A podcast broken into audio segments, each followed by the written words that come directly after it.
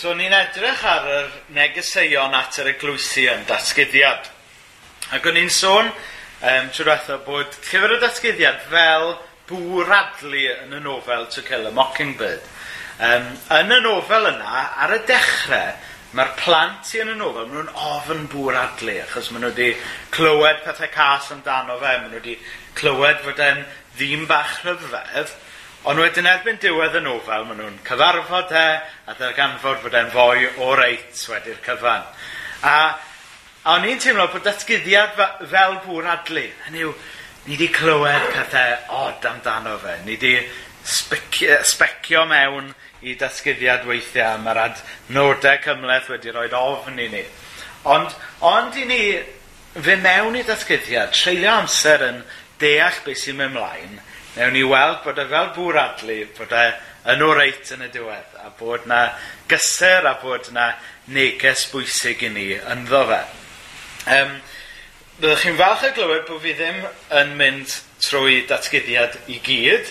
Um, I ni jyst yn edrych dros yr wythnosau yma ar benodau 2 a 3, lle mae yna um, saith eglwys yn cael negeseuon gan ddiw. Mae, mae Dyw yn calonogi nhw ynglyn â'r pethau da maen nhw'n neud, ond mae e hefyd yn, wel, deud y drefn wrthyn nhw am rhai pethau sydd ddim yn iawn yn eu bywyd nhw fel eglwys. Um, a dwi'n meddwl bod yna werth i ni edrych ar y negeseuon yma, achos mae'r cryfderau a'r gwendidau sydd gan yr eglwysi yma yn, yn wir i ryw raddau am bob eglwys, ond hefyd yn wir am am bob Cristion fel petai. Maen nhw'n gryfderau a gwendidau sydd eisiau ni fonitro fel petai yn yn bywyd ni fel eglwys a hefyd fel unigolion. Felly dyna pam i ni dros yr wythnosau yma yn edrych ar y negeseuon yma yn datgyddiad. Fe fi di anhofio'r clicker, so dyna pam bod fi'n troi cefn arna chi bob yna hyn. Nawr, um, so ni'n edrych heno ar yr neges i Pergames. Nawr, Prifysgol Bangor, ni'n mynd ar daith trwy'r ardal i ddechrau heno. Nawr, ym, ym, ym Mangor, mae'r Prifysgol fyny yna ar ben y Bryn. Mae lot o bobl yn galw Prifysgol Bangor yn y coleg ar y Bryn, yn dydyn? Um, ac ers i nhw ddymchwel Theatr Gwynedd, chi'n gweld yr, yr adeilad hyd yn oed uh, yn well, ond maen nhw'n adeiladu'r adeilad newydd yna, bydd yn blocio fo ato, ond bydd bynnag am hynny. Um, ac um, a mae e'n rhyw adeilad sy'n fyny yn uchel yn urddasol dros ddinas Bangor, a chi'n gallu gweld e o bell. Neu cymerwch chi nawr Carnarfon, chi'n gallu gweld yr eglwys yn totil o'r dre i gyd, ydych? Edrychwch chi fyny a chi'n gweld y tŵr, a mae'r eglwys yn fyny yna'n edrych lawr dros y dref. Nawr, bore yma o'n i'n rhoi dy bregaeth yma am hen y Groes Mae bell e wedd Pen y Groes. Mas nebo. Dyna, unig beth oedd ganddyn nhw i gynnig. Um, ond mewn ffordd, mae mas nebo yn, yn helpu ni ddeall hwn yn well. Ac mae mas nebo yna yn uchel uwch ben dyffryn anlle. A chi'n chi gweld mas nebo o ar ddwrnod clir o ddega o filltiroedd i ffwrdd yn dydech. Chi'n chi gweld o ben pella pen llun ar ddwrnod um, clir. Um, a reswm pan bod fi'n dweud hyn yw mae'n debyg mai y math yna o ddinas oedd Pergamus. Oedd yn rhyw ddinas oedd ar ben rhyw fynydd tyb o beth. Ac reit ar y pwynt uchaf oedd ganddyn nhw'r temle crand yma. Ac oedd pobl yn gallu gweld y temle yma o filltiroedd ar filltiroedd i ffwrdd, yn union fel da, da ni'n gallu gweld mas nebo. Oedd e'r math yna o sefyllfa, oedd e'n rhyw ddinas crand a ben mynydd, o'ch chi'n gallu gweld y temle yma o bell i ffwrdd. Nawr, yn yr un ffordd yma Prifysgol Bangor yn destun balchder i pobl Bangor. Um, ydy Mas Nebon destun balchder i pobl Dyffryn Anlle? Ydy, na ni.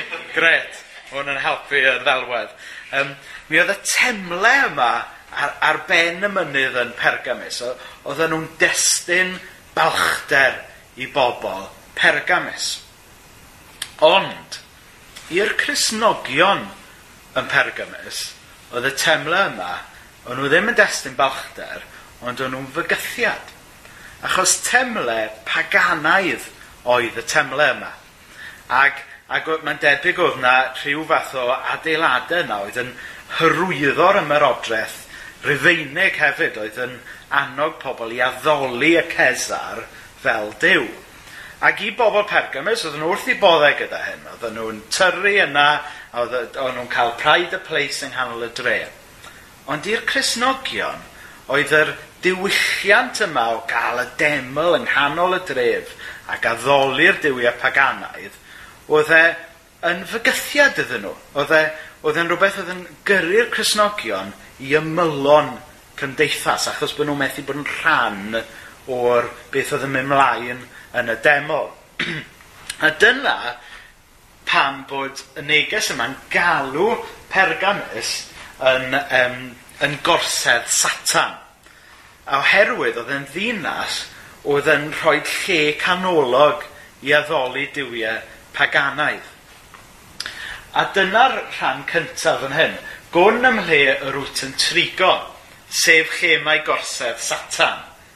So beth oedd yn dweud oedd, i chi Grisnogion, i chi'n byw yng ngorsedd Satan. Hynny yw, i chi'n byw mewn rhywle anodd iawn i grisnogion fyw achos bod yna lot o ddoli paganaidd yn mynd.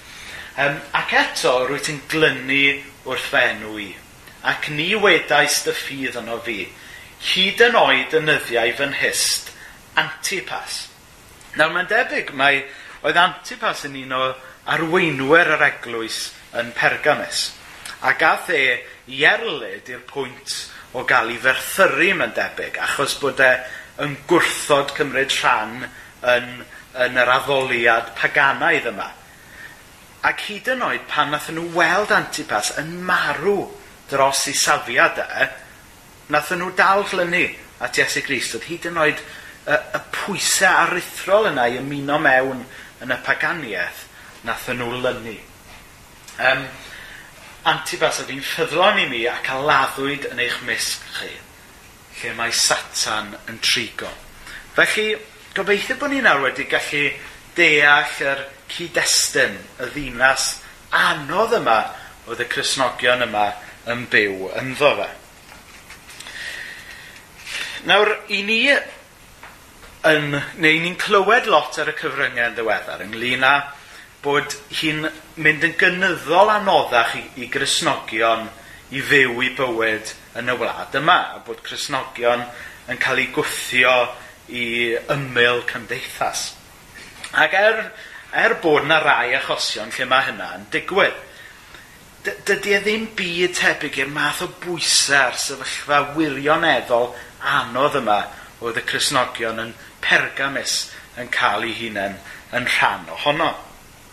Ehm, oedd yna bwysau aruthrol arnyn nhw i gyfaddawdu i ffydd a jyst i, come on nawr, peidiwch bod yn pati pwpl joinwch mewn yn yr addoliad a'r hwyl yma yn y deml paganaidd. A mae'n siŵr mae'r math o gwestiynau oedd y Cresnogion yma'n Pergamus yn goffod um, reslo gyda nhw oedd, wel, i ba raddau ni'n gallu bod yn rhan o weithgaredd a diwylliant y ddinas yma, ond heb gyfaddawdi ar yn ffydd. Chi'n gwybod, be sy'n oce okay i ni wneud, ond be sy'n rhaid i ni bechau o ddiwrtho. I ba raddau mae e'n iawn i ni fod yn rhan o'r diwylliant yma, so long as bod ni ddim yn addoli y diwiau paganaidd. Hynny oedd yn wynebu'r her yma, fel wnaethon ni ddarllen amdano fe yn y llythyr gan y rhyfeiniad, o fod yn rhan o'r byd ond nid o'r byd. Chi'n deall beth da fi? Dyna'r math o densiynau a cwestiynau oedd y Cresnogion yn Pergamus yn gorfod gweithio trwyddo fe. Nawr, mae'r apostol Paul yn ei lythyrau at y Corinthiad a'r Rhyfeiniad yn delio gyda'r cwestiynau yma.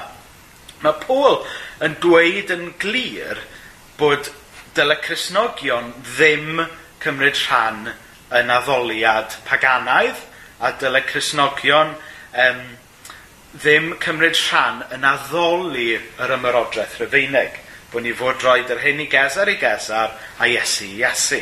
Hynny yw, mae Iesu ni fod addoli.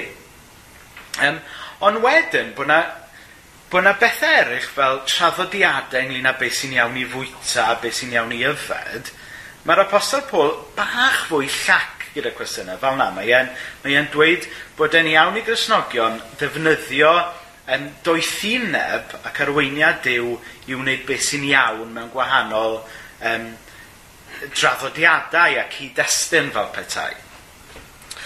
Ond wrth gwrs, mae'n anodd gwybod wedyn lle mae tynnu'r llinell yn dydy. Dychmygwch nawr y Cresnogion yma'n Pergamus. Hynny yw, faint oedd e'n iawn i nhw gymryd rhan yng ngweithgareddau'r ddinas, heb bod y pwynt yn dod lle oedden nhw'n cyfiawnhau i ffydd. Pa mor bell oedd rhy bell, lle oedd tynnu y llinell, lle oedd cael y balans yma o ddew yn y byd, ond nid bod o'r byd. A mae'r cwestiynau yma yn gwestiynau mae, mae pob Cristion yn ei wynebu, a maen nhw'n gwestiynau dylen ni fod yn reslo gyda nhw wrth bod ni'n byw mewn byd nawr lle mae yna bwysau arno ni gyfaddawdu ynglyn â'n agweddau tuag at boesoldeb, ynglyn â pwysau i wneud peth ar y sil neu, neu beth bynnag. I, hynny yw, i raddau llai, da ni'n gorfod gofyn yr un cwestiynau ac oedd y Cresnogion yn Pergamus yn, gof, yn gorfod gofyn. Nawr, Ar y dechrau, ni'n gweld fod y Cresnogion yn amlwg wedi sefyll yn gadarn, er bod na bwysau arnyn nhw i gyfaddawdu fe nath nhw sefyll yn gadarn yn amser antipas. Ond wedyn, mae'r mae'r neges yn mynd mlaen yn dweud bod y Cresnogion wedyn wedi dechrau cyfaddawdu. Nawr mae'n dweud bod nhw wedi dod i ddilyn syniadau Balam a'r Nicoloidiaid.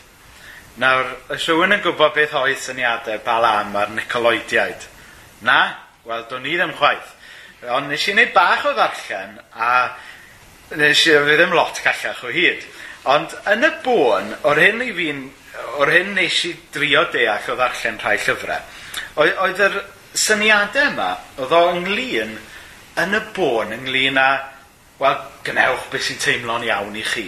So dyna yn y bôn, to, mae e'n fwy cymleth na hynny, ond to boil it down, dyma oedd syniadau um, Balam a'r Nicoloidiad, sef, o'n nhw'n dysgu pobl, wel, so yn teimlo'n iawn i ti, go for it. Tybod, neu go with the flow, ti'n gwybod, y teip yna o agweddau. Felly, beth i ni'n deall fan hyn, bod rhai o'r Cresnogion wedi dechrau dilyn y syniadau yma.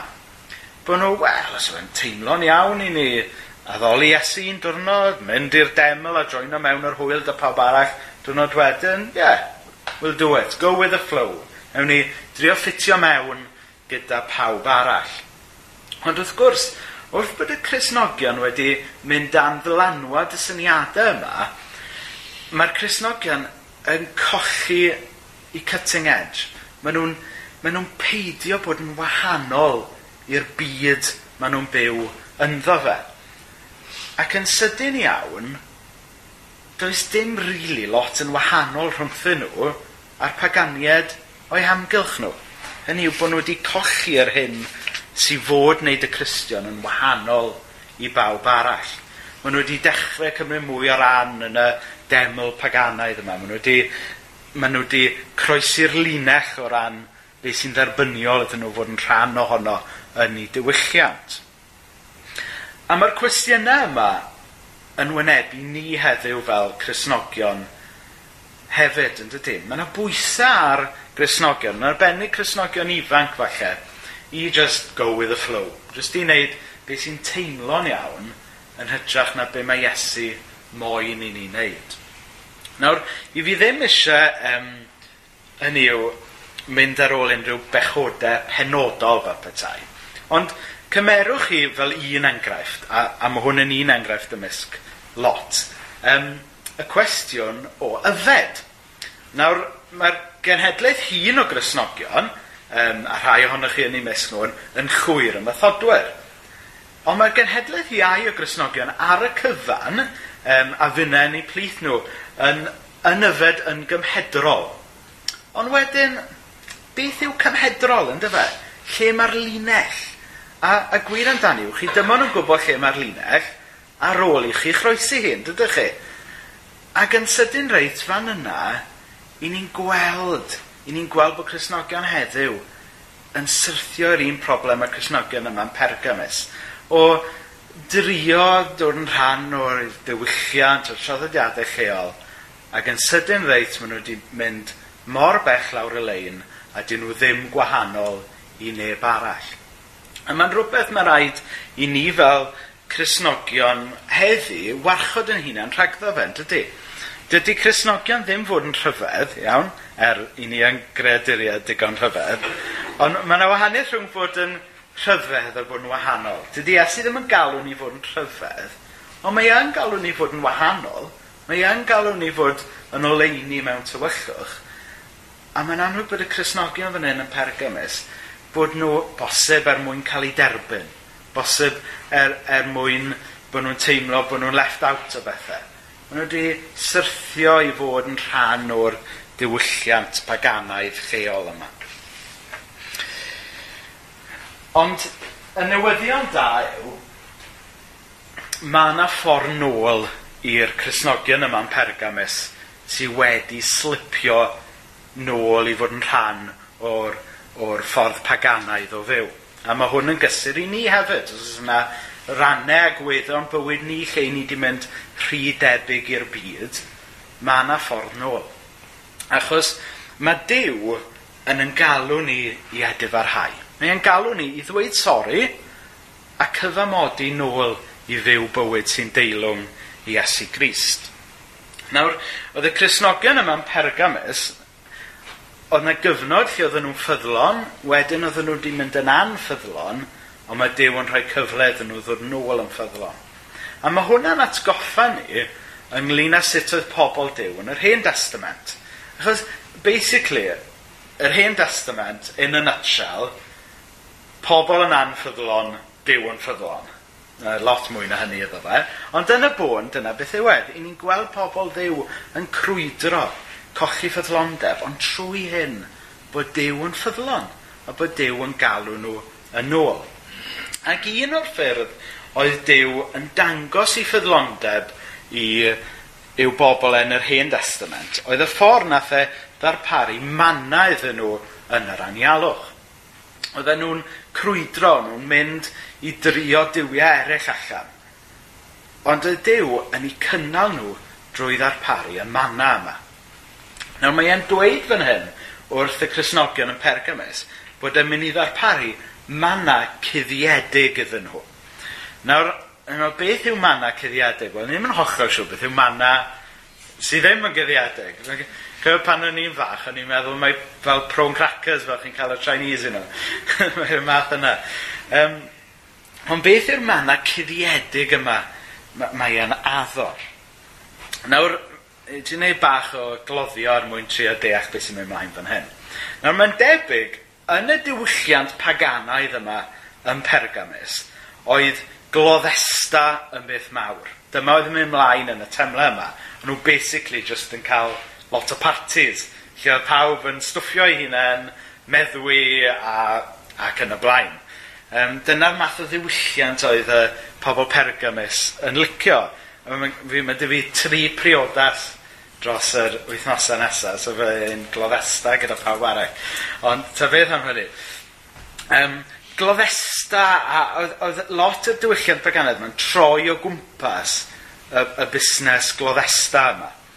Felly, yn glyfar iawn, be mae be mae'n dweud wrth y Cresnogion yn Pergamus yw, hei, chi'n meddwl bod chi'n cael satisfaction yn mynd i'r deml baganaidd yma gloddesta gyda bawb arall. Ond chi'n mynd i gael gwledd rhagorach gyda Iesu Grist yn y nefod. Chi'n meddwl bod y chicken wings yna chi'n cael yn y deml yn neis. Chi'n meddwl bod y chicken tica sagwala yna yn neis. Ond mae'r manna cuddiedig sydd ar ddisgwyl i chi gyda Iesu mynd i fod gymaint gwell Chi'n meddwl bod chi'n cael boddhad gyda'r hyn mae'r byd yn cynnig i chi. Chi'n meddwl bod, bod yr cwmni a'r hwyl chi'n cael yn y deml yn neud chi'n llawen. Wel, di hwnna'n ddim byd i gymaru ar hyn mae Iesu yn cynnig i chi. Yn y wledd yma, le chi'n mynd i gael... So, manna cuddiedig mewn ffordd ydy mewn ffordd Iesu. Hynny yw bod mae, mae cael iste yn y wledd, yn y nefoedd gyda Iesu yw'r hyn. Felly, a wedyn, mae'n mynd mlaen wedyn ni sôn am um, y, y garreg wen. Nawr mae'n debyg ar y pryd oedd e'n draddodiad, nawr, fel ti'n priodi yna, ti wedi dweud am fy gwahoddiadau allan i bobl. Nawr mae'n debyg yn, y, yn, y, yn y gwleddau yma oedd nhw'n cael yn asiar y pryd, oedd nhw'n sgwennu invite i bobl ar garreg, chi'n gwybod, a wedyn, achos oedd dim, oedd dim hawleth bacad printers gyda nhw pryd hynny, felly oedd nhw'n sgwennu um, invite i bobl ar garreg, oedd nhw'n rhoi carreg, dyma garreg, a pan ti'n dod i'r parti, pan ti'n dod i'r wledd, ti'n cyflwyno'r garreg ar y ffordd mewn. Felly unwaith eto ni'n gweld fan hyn, bod, e, bod Dyw yn cael calanogi'r bobl yma drwy ddweud bod eu enw nhw ar y garreg sy'n gadael nhw fynd i'r wledd go iawn yn y nefoedd gyda Iasu. Nawr gobeithio bod hwn i gyd um, yn anogaeth i ni. Achos i ni fel y Cresnogion yma'n pergymys, i ni'n byw mewn byd lle mae yna lot o bwysau arno ni gyfaddawdu, dydy? A mae e'n anodd gwybod, chybod, um, lle mae tynnu'r linell rhwng bod yn rhan o bethau, rhan o ddiwylliant, rhan o hwyl gyda ffrindiau, ond wedyn lle, wel na, mae eisiau ni sefyll nôl achos bod ni'n dilyn Iesu. Nawr, mae'n siŵr bod ni gyd i ryw raddau yn ei gilydd, mewn rhyw rhan o'n bywyd, wedi mynd rhy bell, a wedi mynd yn rhy debyg i'r byd. Falle mae nid yfed yw e, falle mae nid rhyw bethau fanna yw e, falle bod e y ffordd da ni'n trin yn arian falle. Hynny yw, mae modd i ni fynd yn rhy debyg i'r byd gyda pethau fel yna. Ond beth bynnag yw e, a ni gofio bod Dyw yn maddau ni. A ni gofio bod Dyw yn yn galw ni nôl. A bod Dyw yn cynnig rhywbeth lot gwell na mae'r byd yn ei gynnig. Mae'r wledd sydd yn disgwyl i ni yn y nefoedd lot gwell nag unrhyw wleddau mae'r byd yma'n cynnig. Mae'r cyfoeth mae Iesu yn cynnig i ni, lot gwell na cyfoeth mae'r byd yma yn cynnig i ni. A roedd y Cresnogion yma yn Pergamus, o'n nhw wedi anhofio hynny, ac o'n nhw wedi cyfalawdu, ac o'n nhw wedi dod tri debyg i'r byd o'n cwmpas ni. A mae'n bwysig i ni warchod yn hunain rhag hynny, ac os i ni'n teimlo bod ni yn barod tri debyg i'r byd, wel, allwn ni edrych ar hau a newid a dod nôl at Iesu Grist. Er mwyn i enw, Amen.